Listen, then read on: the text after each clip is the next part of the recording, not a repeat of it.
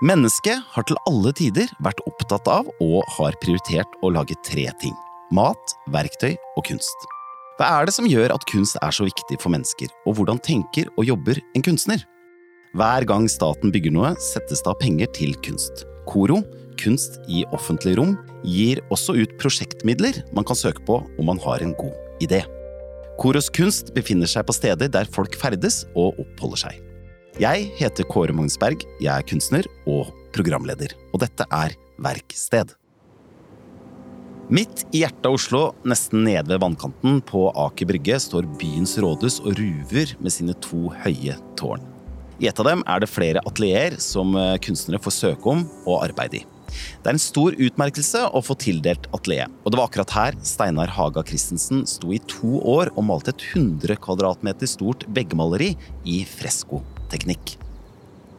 I to år står han der. Lyset kommer inn gjennom vinduene øverst i taket. Han blander møysommelig ut pigmentene i kalkvann.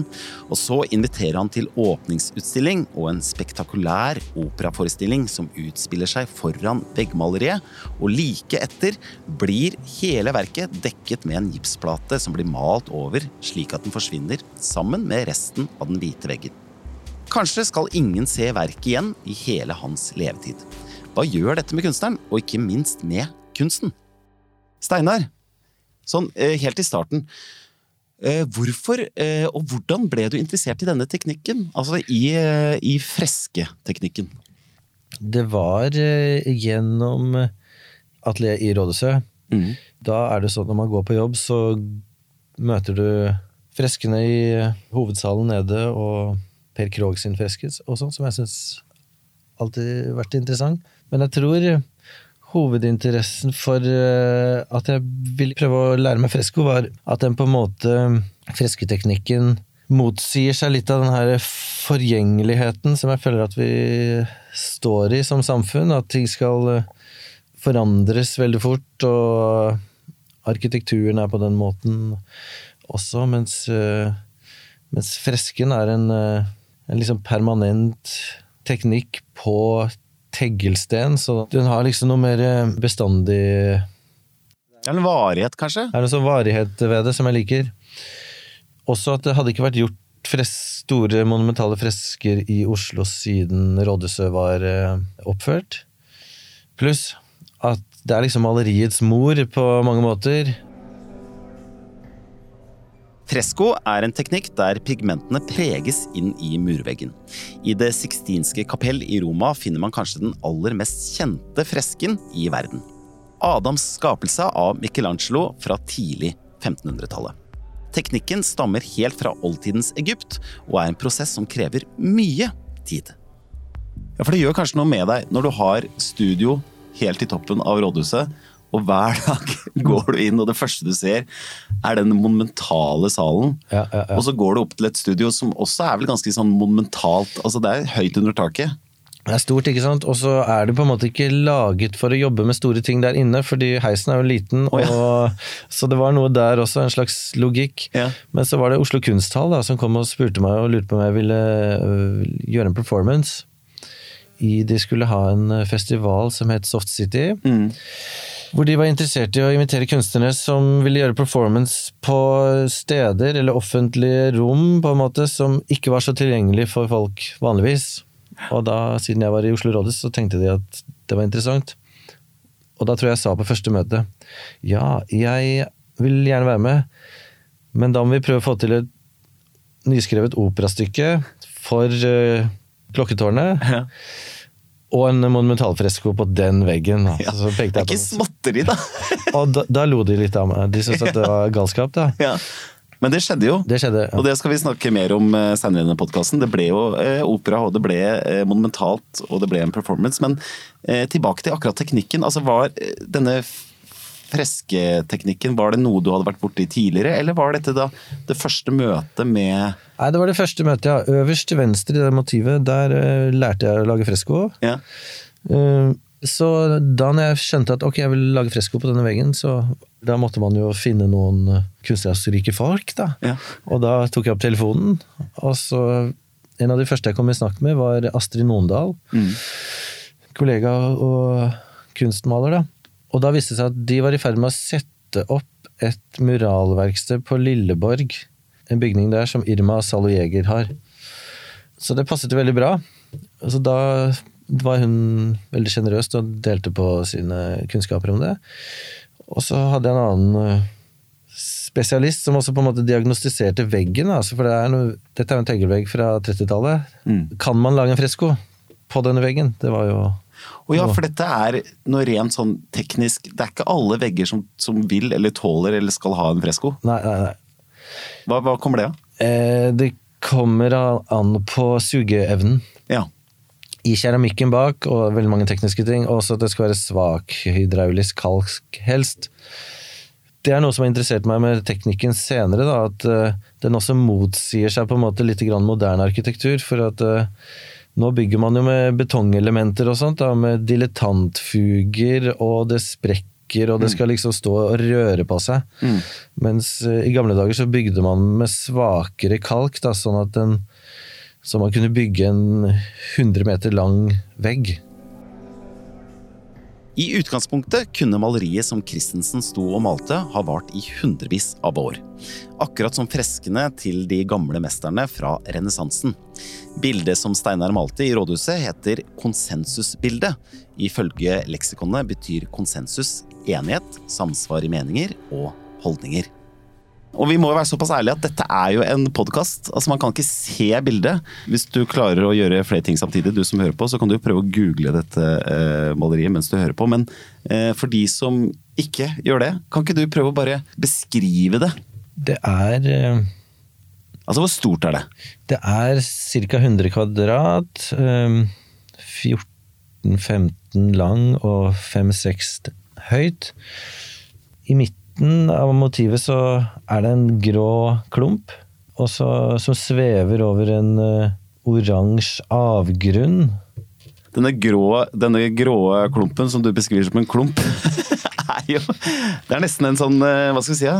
Man kan se liksom Er det fingre? Er det mennesker? Altså, det er nesten en sånn organisk form. Dette er liksom en, eh, en eldre idé av et slags monument over eh, demokratiet som styresett. Ja. Og så er det ganske eh, Det er to skikkelser som ligger i toppen og svever på en sky. Mm. Og så har man eh, noen utstrålinger i himmelen der som er litt uh, solen-aktige. Mm. Fra aulaen av Edvard Munch. Ikke sant? Og så er det to dører nede høyre og venstre. Ja, det er fysiske dører. Det er Altså, det er dørene i studio. Ja. Og så er det på en måte Jeg kan kjenne igjen Man kan se sånn små utsnitt fra tidligere utstillinger du har hatt. I hvert fall nede i høyre hjørne der. Kan det stemme? Alt, hele bildet er eh, parafraser av mm, egne eldre arbeider. Det er svært, og det er monumentalt, og det er veldig, veldig flott, må jeg bare si. Det er ikke noe helt nytt at det blir laget fresker i rådhuset. I etasjen under er veggene dekket av kunstverk som forteller historien om Norge. Fra den tiden landet skulle bygges. Et av verkene heter Arbeid, administrasjon, fest, og viser hvordan byen har overvunnet fattigdom og splid med fredelige midler. Et annet verk viser hvordan nordmannen har bygget en nasjon til tross for karrig natur. Her figurerer også sterke historiske personligheter som Nansen og Bjørnson. Felles for fresketradisjonen er at mange historier blir fortalt i ett og samme verk. Steinar, du har liksom, i likhet med de freskene som er et par etasjer under, så ligger det masse historier i motivet. Finnes det én stor historie i, i bildet, eller, eller er det flere? Absolutt. Jeg tror også mange av svarene på det er, ligger i operastykket, da, som følger arbeidet. Mm. Hovednarrasjonen i stykket er at det er en kunstner som får et oppdrag om å male et monumentalt verk som liksom skal fortelle noe om vår tid, da, eller den samtiden han står i. Lignende arbeidene ellers i rådhuset. Mm. Så arbeidet også handler om monumentalkunsttradisjonen, hvordan fortelle de store historiene, de store narrativene, på en måte. Og det får jo da gjennom stykket en tragikomisk løsning, som er at uh, kunstneren må male et slags selvportrett da, av, så, av hans egne arbeider. Uh, at det er liksom den sanneste formen i vår tid, er denne her uh, selvrealiseringsperversjonen, da, på en måte. Mm. Altså, når du skulle lage din freske, ja. så du mye på tidligere eh, kjente freskoer? Kanskje komposisjoner og, og, teknikk som kan minne om noen historiske arbeider? Nei, jeg så på en del ting. Jeg så mest på Diego Riviera, på en måte. da, så... For de som ikke kjenner han? Meksikansk eh, maler. Mm. Ganske uttalt kommunist. Mm. Gjorde også fresker i New York for Rockefeller-familien, som ble tatt vekk. Denne rikheten han har i motivene og, og veldig politisk engasjerte ting. Det var ikke bare teknikken som fikk meg til å se på han. Mm. Det har et sånn veldig sentralperspektiv, da. Det syns jeg er fint. da. Mm. Hvor alt dreier seg rundt uh, sentrumet i bildet. Mm. Uh, så det er en viss symmetri mot midten, og så er det en uh, planetarisk ring også, som er, går som en ellipse rundt denne nærmest planetlignende klumpen i midten. Mm. Men eh, så er det også dette med at man har en dør på høyre og venstre side, som også bygger opp eh, under det her. Altså Dørene, egentlig de som leder inn til atelieret, er jo nesten to sånne stolper som skaper en slags sånn ja. Symmetri. Ikke sant, symmetri der. Og de er også på en måte gjort om til pidestaller, på sett og vis. Der er det to likheter på hver side der, så mm. Midt i bildet er det et slags måneaktig objekt med fingre rundt som speiler seg i en sol på undersiden. I ytterkantene ser vi figurer som ser ut som de er henta ut fra myter og religiøse fortellinger. Akkurat som freskene fra renessansen ser det ut til å være mange ulike motiver i samme bilde mange ulike figurer som ser ut til å ha hver sin fortelling. Men det er også en del moderne elementer, som teknologi og våpen. Du har jo malt deg selv også inn i fresken. Det er deg som sitter eh, litt sånn høflig på en stol oppe i høyre hjørne. Riktig. riktig. Ja. Og du har med deg noen? Jeg har med meg en eh, skuespiller som spiller en uh, multiple persona, et mum diplom, tror jeg det kalles, da. Som neoistene fant opp på 80-tallet i England. Og denne skikkelsen ble funnet opp for å, som de sier, to counter the male dominance of the group. Så hun er en kvinneskikkelse som hvem som helst kan utøve kunst som, da. Ja. Et, et, et pseudonym som er åpen for alle. Ja. De overvåker bildet, da. Og de har kontroll, og de sitter øverst, og de ser ned at alt, alt er som det skal. Ja. Akkurat, ja. Fordi at jeg har tenkt på dette at uh, kunstrommet er en sånn likhetshub. da, At uh, hvis telepati er mulig, så er det mulig på grunn av likhet. Mm. Som uh, fuglene på himmelen når de snur Samtidig så er det denne uh, morphic resonance, en morphic resonans mellom de, som gjør at de kommuniserer med kroppene mm. og, og, hodet. Eh, jeg liker det. Jeg liker at kunsten kan ha det potensialet at, eh, at man telepatisk går i en retning, da. Mm. Hvor mye av denne fresken er planlagt på forhånd? Altså, fordi det, det er på en måte så gjennomkomponert? Eller er det ting som, har opp, som oppsto underveis, liksom? Jeg har visst akkurat hva, hva jeg skulle male, ja. Mm. Og det var en ting som jeg likte med teknikken etter hvert som jeg undersøkte det. Da, at, eh, at den har en sånn vindu hvor du liksom gjennomfører. Hvor materialet tillater det. Eh, så alt er planlagt og skissert opp til minste detalj. Og så begynner man når man gjør så stort, kan det lønne seg å begynne øverst. Så du bare går helt uh, skjematisk frem. For det griser når du maler, da. Så hvis du begynner i bunn ja. Det kan du ikke holde på. så bare renner alt over? Ja, ja, ja, Så man kan ikke male litt her og der. Det, det er ikke sånn det funker.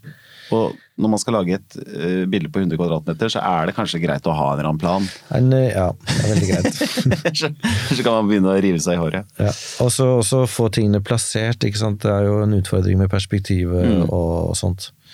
Så det er mye måling og, og sånn for å få det plassert riktig, egentlig. Billedelementene. Mm. Etter at fresken ble ferdig, inviterte Steinar til operaforestilling akkompagnert av rådhusklokkene. Hvor programmet lovte intet mindre enn at publikum skulle ledes gjennom kunstnernes streben med å fullføre et offentlig oppdrag. En eh, freske som skal reflektere vår tid. Steinar, dette prosjektet var jo ikke bare Eller ikke bare, da. Det var jo stort nok. Men det var ikke bare eh, fresken på veggen. Det var også en operaforestilling som fulgte med. Hvorfor dette operagrepet? Ja, de, de, henger sammen. Da. Bildet henger sammen med gjennomføringen av det, da. Og konseptualiseringen rundt uh, bildet. Så det er en slags utvidelse av billedflaten, på en måte. Mm. Men det er også sier noe om prosessen rundt bildet. At uh, bildet var halvferdig under, uh, under operastykket, og operastykket presenterer på en måte løsningen til bildet, da, sånn at det på en måte fullender bildet, på en måte. Da tenker jeg ikke på den materielle prosessen, men ideen om mm. eh, et sånn type bilde. Som også er en tradisjon som skulle fortelle, fortelle noe om konteksten, fortelle noe om samfunnet, fortelle, skal, skal gjøre alle disse tingene. Da. Mm. Var det du som skrev eh, teksten? Librettoen har jeg skrevet. Eh, også komposisjonen for klokkene gjort i samarbeid med Morten Nordby Halvorsen, komponist, og Trond Reinholdsen, eh, komponist. Stefan Ibsen Slatanos, som eh, var dirigent, som hadde en veldig sentral rolle i operaen, fordi at dirigenten, altså Dirigenten måtte oversette rytmen eh, fra klokkenisten som satt i det andre tårnet. Og hun insisterte, Laura Marie Ruslåtten, hun insisterte på å spille med klangsensibilitet, som gjorde at hun ville variere i hastighet for å få mindre dissonans. For man kan liksom ikke stoppe bjella ikke sant, når du Nei. Så Stefan da måtte eh, oversette hastigheten for, til utøverne. Dette var ganske vanskelig, for normalt sett sitter man jo liksom i samme rom. Så det var mye interessante problemstillinger med det, og vi kunne heller ikke øve på eh, klokketårnet. Så det ble øvd inn med midi-opptak ja. av klokketårnet hvor hun satt på kjøkkenet for å illustrere at hun ikke var i samme rom. Ja. For å øve på avstanden og på forsinkelsen, på en måte? Ja. Eh, ikke sant? Øve på stykket i sin helhet, og øve på det at man ikke så klokkenisten. Og at hun ikke spilte på metronom eller takt. Dette var sikkert ganske ulikt fra det disse operasangene hadde gjort tidligere. Hvordan var det for dem å gå inn i dette prosjektet? Jeg har inntrykk av at de syntes det var eh, gøy. Noe mange ikke vet, er at hver gang staten bygger nytt, settes det av penger til kunst til bygget. Året etter han var ferdig med veggmaleri i rådhuset, fikk Steinar i oppdrag å lage kunst til Domus Juridica. Det er et bygg som samler hele det juridiske fagmiljøet ved Universitetet i Oslo under ett og samme tak. Et sted der lover diskuteres og fremtidige advokater blir til. Rusler man forbi bygget på Tullinløkka, kan man få øye på det store og fargesterke veggmaleriet gjennom høye vinduer. Hvordan var det når du gikk i gang med dette arbeidet, Steinar? Fordi eh, da hadde du jo erfaring. Eh, du hadde lært deg teknikken. Var det en eh, lettere prosess? Var det en annen prosess? Ja, det var veldig annerledes. Det var jo også et oppdrag, så jeg kunne jo Jeg måtte jo gå for det jeg hadde skissert, da. Ja. Fordi at på rådhuset så var jeg mye friere og jobbet uh, helt fritt. Ja, for der, der, hadde du jo et uh, atelieropphold, så det var, det var, jo på en måte ikke en bestilling på den måten. Og da må ja. man liksom holde seg til det man har Ja.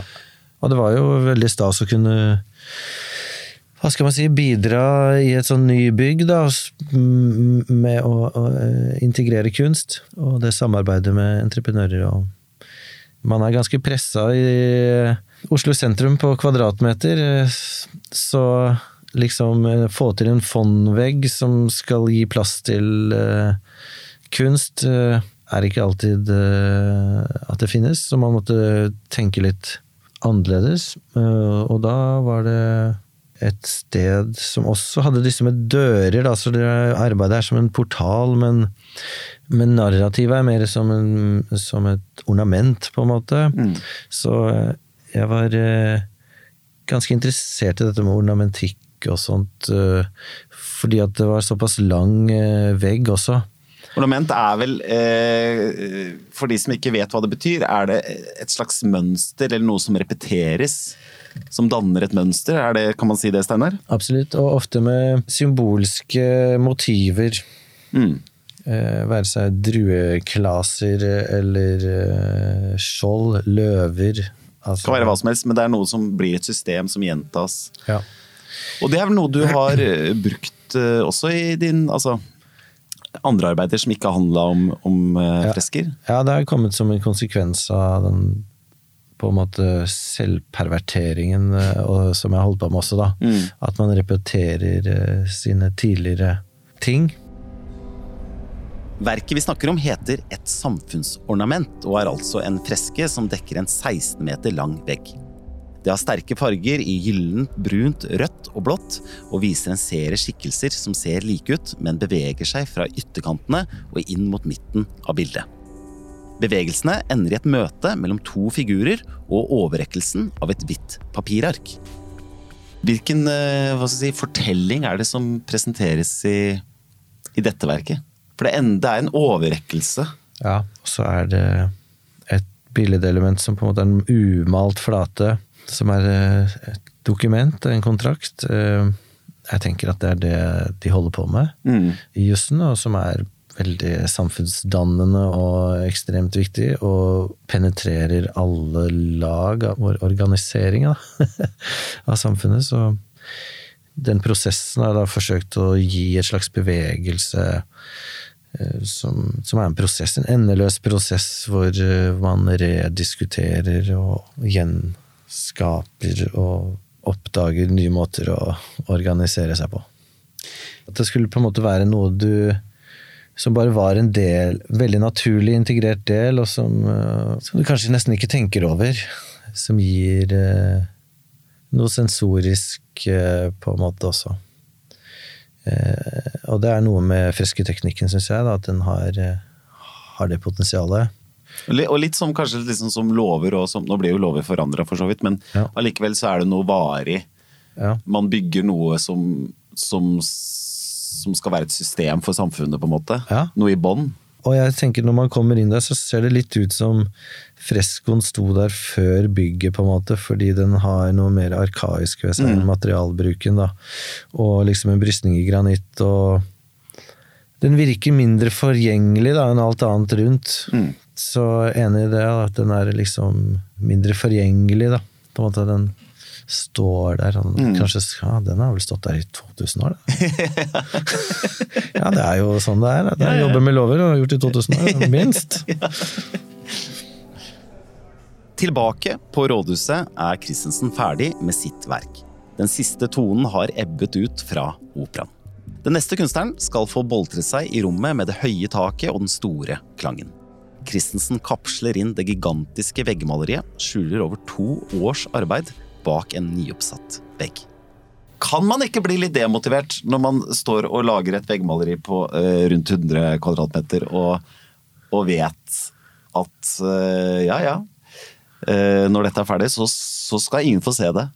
Altså, det dyreste med hele dette prosjektet var å bygge en vegg foran. Så ja. det er jo litt uh, ironisk. ja, det er ironisk. Men det er på en måte det flotteste ved arbeidet også, er denne veggen foran, da, ja. etter min mening.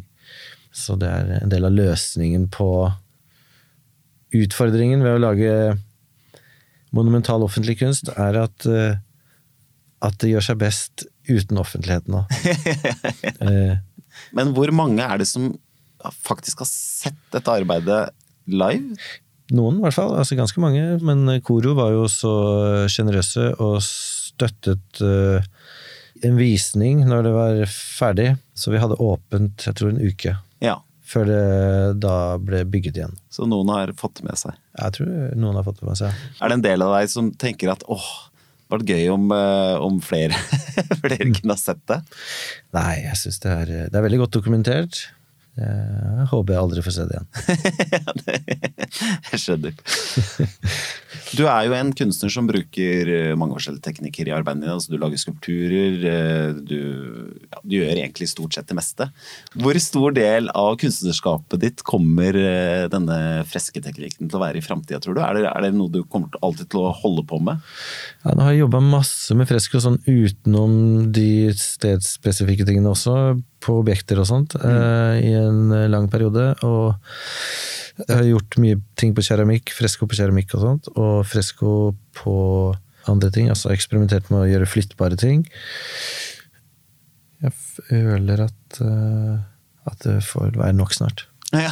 Men jeg vil veldig gjerne gjøre på en måte monumentale freskoer, eller store veggarbeider. eh, Ja. Men jeg, jeg liker avslutninga di her. Akkurat eh, det å lage fresker på eh, små, flyttbare ting som keramikk osv. trenger du en liten pause fra nå, men du er åpen for monumentale verk i fremtida. Ja, ja absolutt. Ja. Du må lykke til videre med eh, kunstnerskapet, og også livet generelt, Steinar. Hjertelig takk. Takk for at du kom hit til oss. Det var hyggelig. Kåre Magnus, takk, takk. Denne podkasten er produsert av Feelgood Scene Film og TV for Koro, og er laget av Anna Katarina Haukeland, Pernille Skar Nordby og Åsne Jukse fra Koro. Anne Gerd Grimsby Haarr hos Filt, og meg, Kåre Magnus Berg. Episoden er klippet av Bård Solhjem Knutsen, og produsent er Miriam Ofsdal Berg.